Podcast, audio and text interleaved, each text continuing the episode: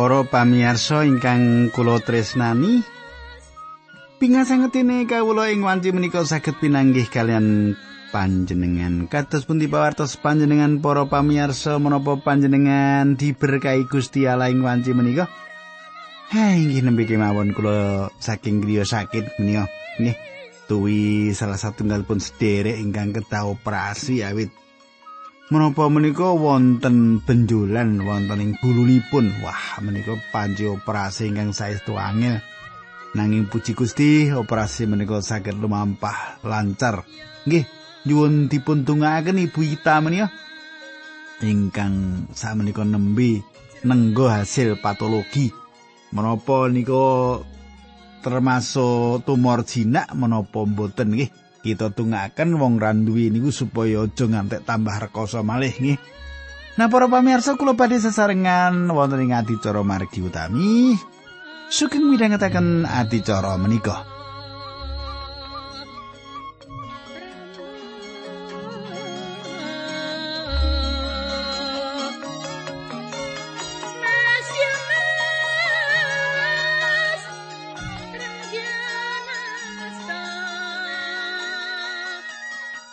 Para pamirsa menapa panjenengan tasih kemutan? Menapa ingkang kula andharaken duk nalika pepanggihan kepengker? Wonten ing pepanggihan kepengker kita sampun nyemak kados pundi Paulus nggambaraken gesangipun tiang pitados menika kados wonten ing satunggalipun balapan mlajeng nggih perlombaan. Wonten ing pundi saben tiang pitados kedah tansah budidaya supados saged ngendali diri ing samukawis perkawis. Lajeng kados pundi kelajenganipun Monggo kita tumungkul kita ndedonga sesarengan. Duh Kanjeng Rama ingkang adhedhampar wonten kraton ing kasuwargan kawula ngaturaken kenging panuwun menawi wekdal menika kawula saged tetunggilan kalian sedherek-sedherek kawula ingkang setya tuhu midhangetaken adicara menika. Kawula nyuwun Gusti berkahi Gusti mitulungi lan nyuwun tulung Sang Roh Suci piyambak ingkang badhe nuntun kawula.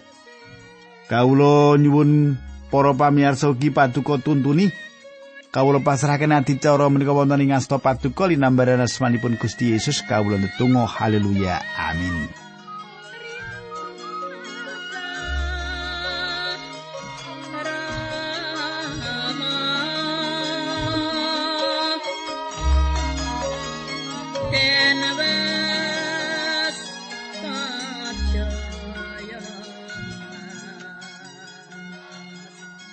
Para pamirsa ingkang kula tresnani, samenika pasinon kita sampun lumebet ing kitab setunggal Korintus doso.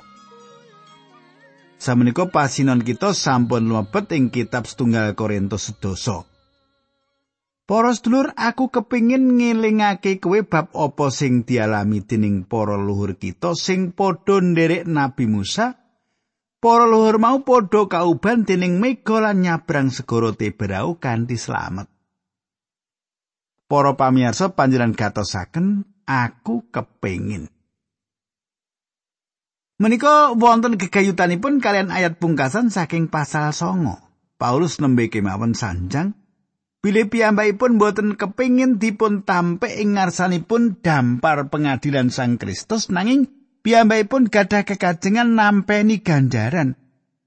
Salajengipun dipun pratilaken ing basa standar kitab suci kula supaya kowe padha ngerti. Ing wedal Paulus nyerat prakais menika panjenengan saged yakin bilih sederek-sederekipun panci mboten mangertos utawi mboten ngrumaosi menapa-menapa ingkang badhe dipun cethakaken dhateng piyambakipun. Pasaman Korinta, Korintus menika satunggalipun pesaman campuran inggih menika wonten tiang Yahudi lan sanes Yahudi. Ing wekdal Paulus meratelaken para luhur, piyambakipun meratelaken dumateng perangan pesaman ingkang bangsanipun Yahudi. Pesamuan sesarengan Paulus inggih menika tiang-tiang Israel lan gadah sejarah ingkang sami. Ing pangandikan kalau mau katulis para leluhur mau padha kauban dening mega lan nyabrang segara Teberau kanthi slamet. Ingkang dipun pratelaken menika pratelaken lelampahan ing jaman kepengker ing wedal bangsa Israel kisah saking tanah perbudakan ing Mesir lan nyabrangi Laut Merah utawi seganten Teberau.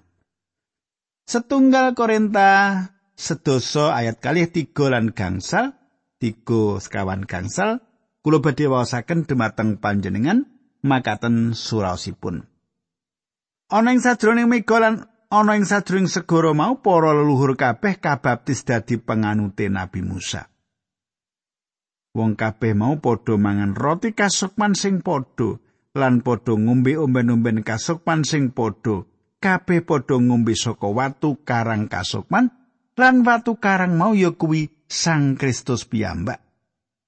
Iwa semono wong-wong mau saperangan gedhe ora gawe renaning penggali Gusti Allah.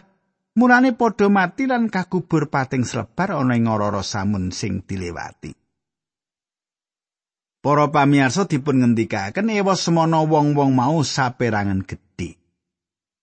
Ing basa Yunani menika ateges saperangan ageng saking tiang-tiang menika. Menika nedahaken kados pundi tiang menika lumampahing gesang lan tasih tetep dados tiang pitados. Menapa ingkang kelampahan menika meratelaken kamardikan ingkang saestu sae bangsa Israel ing wekdal nyabrang segara Tebrau. Paugeran Musa dereng dipun paringaken ing wekdal semanten kanthi makaten tiang-tiang menika mboten kabawah ing paugeran.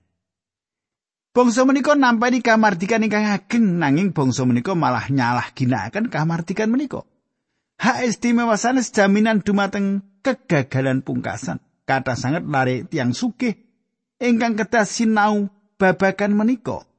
Perkawis menika ugi dipun sinau dening kathah tiang ingkang gadah hak-hak mligi ingkang ngakeni bangsa menika ing salebetipun jagating politik utawi ing salebeting jagat bisnis utawi ing salebeting jagat sosial. Para pamirsa, dipun pratelakaken ugi pilih bangsa menika dipun baptis ing salebetipun mego. Ingkang dipun kersakaken inggih menika bangsa menika nampeni pitedah. Bangsa menika sedaya nyabrang seganten kanthi aman. Kanggo supaya dadi pandherek Musa luhur kita kabeh wis dibaptis. Ing mriki kita wangsul malih ing tembung baptis. Baptis saged ngandhut teges kathah perkawis. Kula manggihaken wonten ing kirang langkung kalih dosa teges saking basa Yunani baptiso. Priyantun ingkang jarwaken kita mboten nate jarwaken tembung menika. Tiang-tiang menika namung nurun aksaranipun. Awit saking menika angel kangge nyobi meratelaken sora pas menapa ingkang dipun pikiraken tiang ingkang nyerat awit tiang ingkang jarwaken boten nyubi nindakaken. Tiang-tiang menika namung ngejo tembungipun kemawon. Wonten saperangan tiang ingkang kanthi fanatik nyiyotaken tembung menika dados setunggal teges kemawon. Dados para pamirsa, baptiso liripun inggih menika mlebet ing satunggalipun pengaken. Sayektosipun panci inggih menika liripun baptisan toyo ing salebetipun ngrembak kekayutan pitepangan kita dumateng Sang Kristus. kita dipun korbanaken sesarengan panjenenganipun ing salebetipun baptisan dening baptisan Sang Roh Suci. Inggih menika leripun baptisan Sang Roh Suci. Panjenenganipun manunggalaken kita kalian badan Sang Kristus. Panjenenganipun mapanaken kita ing salebetipun badan minangka gegelitanipun kula wasaken setunggal Korintus kali welas ayat 13 Semono kita kabeh apa wong Yahudi apa wong kafir apa batur tukon apa wong merdika kita wis padha kabaptis dadi badan siji lan wis diombeni saka roh siji. Para pamirsa, Paulus badhe ngrembak bab menika ing pasal ke-12. Nanging ing mriki piyambakipun nyukani pratela kanggo dadi pandhereke Musa wong-wong mau kabeh wis dibaptis. Kenging menapa tiang-tiang kelawa dipun baptis ing salebetipun Musa? Ampun sanjang menawi Musa gadah peladusan baptisan ing seganten Teberau lan baptis tiang-tiang menika awet sayektosipun. Tiang-tiang menika babar pindah mboten teles seratan wonten ing kitab pangentasan nyukani mangertos kita bilih tiang-tiang menika nyabrangi seganten ingkang garing. Ing wedal Gusti Allah garingaken seganten Teberau kangge tiang-tiang kala wau panjenenganipun ngasataken seganten menika tiang-tiang menika babar pindah mboten teles. tiang-tiang menika napak tanah ingkang garing ingkang saestu itu basah inggih menika malah tiang Mesir. Tiang Mesir menika malah wonten tengahipun toya ingkang lebet. Dados cetha sanget kadang kula ing wedal ngrembak bab baptisan Musa Paulus mboten ngrembak kekayutan baptisan toya. Sanasuki baptisan Roh Suci. Awit ingkang dipun pratelaken tiang-tiang kelawu dipun baptis dening Musa. Liripun inggih menika tiang-tiang menika dipun tunggalaken kalian Musa. Ibrani 11 ayat 29. Merga saka percaya wong-wong Israel padha bisa nyabrang segara Teberau kaya mlaku ana ing daratan. Bareng wong-wong Mesir nyoba arep meru nyabrang, banjur padha kelep ana ing segara mau. Para pamirsa bangsa Israel dipun tunggalaken kalian Musa. Kanthi iman tiang-tiang nyabrangi seganten abrit, iman sinten menika? Menika sanes imanipun tiang-tiang menika. Tiang-tiang menika mboten gadah iman. panjenengan waos critanipun ing kitab pangentasan. Tiang-tiang menika gadah kekajengan wangsul dhateng Mesir lan tiang-tiang menika nglepataken Musa awet beto. Piyambakipun medal ing ora-ora samun ingkang gegirisi. Inggih Musa menika ingkang gadah iman. Inggih Musa ingkang mandap dhateng toya lan gebuk seganten abrit kados ingkang Gusti Allah dawuhaken. Inggih Musa kemawon ingkang mimpin tiang-tiang Israel nyabrangi tanah ingkang garing. ing wekdal tiang-tiang menika dumugi ing sabrang tiang-tiang menika ngidungaken kidung Musa semak pangentasan gang 11 saestu kidung ingkang indah bangsa Israel dipun tunggalaken kalian Musa para pamirsa sedayanipun menika gambaran kawilujengan kita Sang Kristus ngelangkungi toyo pati Lan kita dipun beto ing salebetipun sedanipun dipun tunggalaken kalian panjenenganipun lan samenika dipun tunggalaken kalian Sang Juru Wilujeng ingkang gesang. Dipun baptisaken ing salebetipun Sang Kristus. Inggih kados makaten menika cara baptisan ingkang milujengaken kita menawi kita pitados dumateng Sang Kristus pramila baptisan Sang Roh Suci mapanaken kita ing salebetipun Sang Kristus. Baptisan toya nyanepakaken perkawis ingkang penting lan panci saestu penting nanging menika namung upacara agami baptisan. Baptisan ingkang sayektosipun inggih menika pakaryanipun Sang Roh Suci. Samenika bangsa Israel dipun baptisaken Musa lan tiang-tiang saged nyabrangi sekanten teberau. Lan wis diombeni saka roh siji. Mana lan padha ngombe omben-omben kasukman sing padha kabeh padha ngombe saka watu karang kasukman lan watu karang mau ya kuwi Sang Kristus piyambak. Ing mriki Sang Kristus dipun ketinggalaken. Ewa semono wong-wong mau saperangan gedhe ora renaning penggali Gusti Allah, mulane padha mati lan kakubur pateng srebar ana ing ora-ora samun sing dilewati. Para pamirsa, keng menapa sedaya dipun bikak dumateng kita? Paulus nyukani alasanipun. Cepi Setunggal Korintus sedoso ayat 6. Tumrap kita perkara mau kabeh dadi pasemon kanggo ngilingake supaya kita aja kepengin marang perkara-perkara sing ala kaya sing wis ditindakake dening para leluhur dek biyen. Para pamiyasa gangsal ayat menika nyukani contoh kekayutan kamartikan ingkang dipun raosaken tiang-tiang menika minangka satunggalipun bangsa. Inggih menika ingkang dados perangan ingkang dipun soroti saestu ing pundi kita sinau pilih tiang-tiang menika nyalah ginakaken kamardikanipun. Paulus ngetrapaken dumateng kita perkawis menika dumados atas tiang-tiang Israel minangka contoh kangge kita. Perkawis menika dipun serat kangge panjenengan lan kula supados kita saged ngatosaken kanthi saestu. Bangsa Israel gadah kamardikan ingkang ngiram-iramaken menika lan menapa ingkang bangsa menika tindakaken gegayutan kalian kamardikan menika dipun pratelaken bilih tiang-tiang menika gadah kekajengan perkais-perkais ingkang awon. Perkais-perkais menapa? Wilangan 11 ayat sekawan ngantos 6 meratelaken makaten ing antarane wong Israel ana wong-wong monco sing ketagihan mangan enak wong-wong Israel yo banjur ana sing melu-melu kepengin mangan iwak mulane banjur padha grundelan tembungi mbok yen ngene iki ana sing ngeteri iwak. Ana ing Mesir kita bisa mangan iwak satu tuke tanpa ngetokake duit, bisa mangan timun, semangka, prai, brambang lan bawang. Ana ing kene kita padha kentekan tenaga mongko ora ana sing dipangan kejaba mung manan tok. Para pamirsa.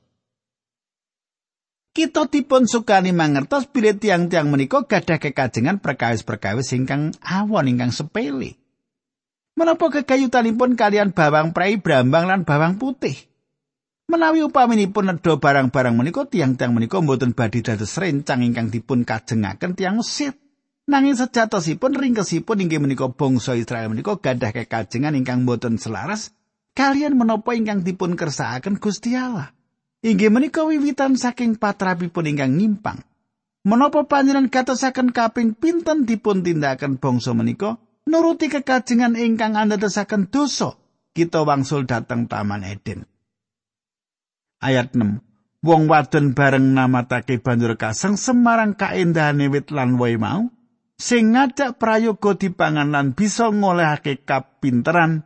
Mulane banjur metik woh mau nuli dipangan sing lanang diwenehi lan iya melu mangan panjenengan saged waos purwaning dumati bab 3 ayat 6 Para pamirsa ingkang dipun kajengaken inggih menika gadah kekajengan nanging boten selaras kalian menapa ingkang dipun kersakaken Gusti Allah. Menapa ta pepinginanipun menika para ahli jiwa ngrembak kegayutan pepalang lan larangan lan para ahli jiwa menika ngrembak kegayutan pepinginan minangka perkawis ingkang inggil piyambak wonten ing gesang. Menapa pepinginanipun menika? Ing salebetipun contoh-contoh menika liripun inggih menika ngersakaken satunggalipun perkawis ingkang boten selaras kalian kersanipun Gusti Allah. Gusti Allah mboten ngersakaken tiang-tiang menika gadah perkawis-perkawis menika kangge sae sawetawis wekdal. Kudu langgeng sae niku. Kula lajengaken setunggal Korintus sedoso ayat pitu wolu songo sepuluh. Supaya kita aja padha nyembah brahala kaya sing wis katindakake dening wong-wong mau, kaya sing kadhawake ana ing kitab suci wong-wong padha lungguh mangan lan ngombe nuli padha ngadeg lan jogitan. kita aja padha laku jina kaya sing biyen katindakake dening saweneng wong-wong mau nganti sajroning sedina ana wong 13 ewu sing padha mati. Kita aja padha nyoba marang pangeran kaya saweneng wong-wong dek jaman biyen satemah padha mati dicokot ula. Lan kowe aja padha ngrundel bab nasibmu kaya saweneng wong nalika semana temah padha ditumpes dening malaikat pati. Para pamirsa Paulus nyatet sedaya dosa manungsa. Tiang-tiang menika mboten mandek-mandek kangge dipun grundelan lan sambat dumateng Gusti Allah. Menika satunggalipun contoh kekayutan tiang-tiang ingkang ngersakaken menapa ingkang mboten selaras kalian kersanipun Gusti Allah.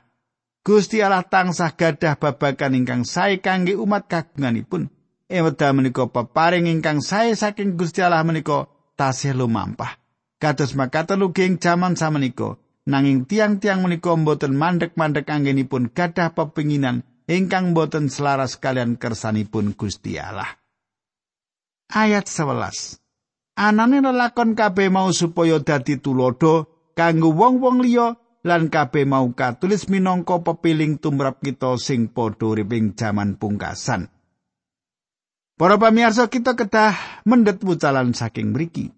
Kita panci kadah kamardikan Kristen Nanging pepinginan-pepinginan kita kedah selaras kalian menopo ingkang dipun kersakaken Gusti Allah. Perkawis menika saestu penting kangge kita gatosaken. Kita lajengaken ayat 12. Mulane sapa sing ngadeke rumangsa wis jejeg padha sing ngati-ati supaya aja nganti tiba.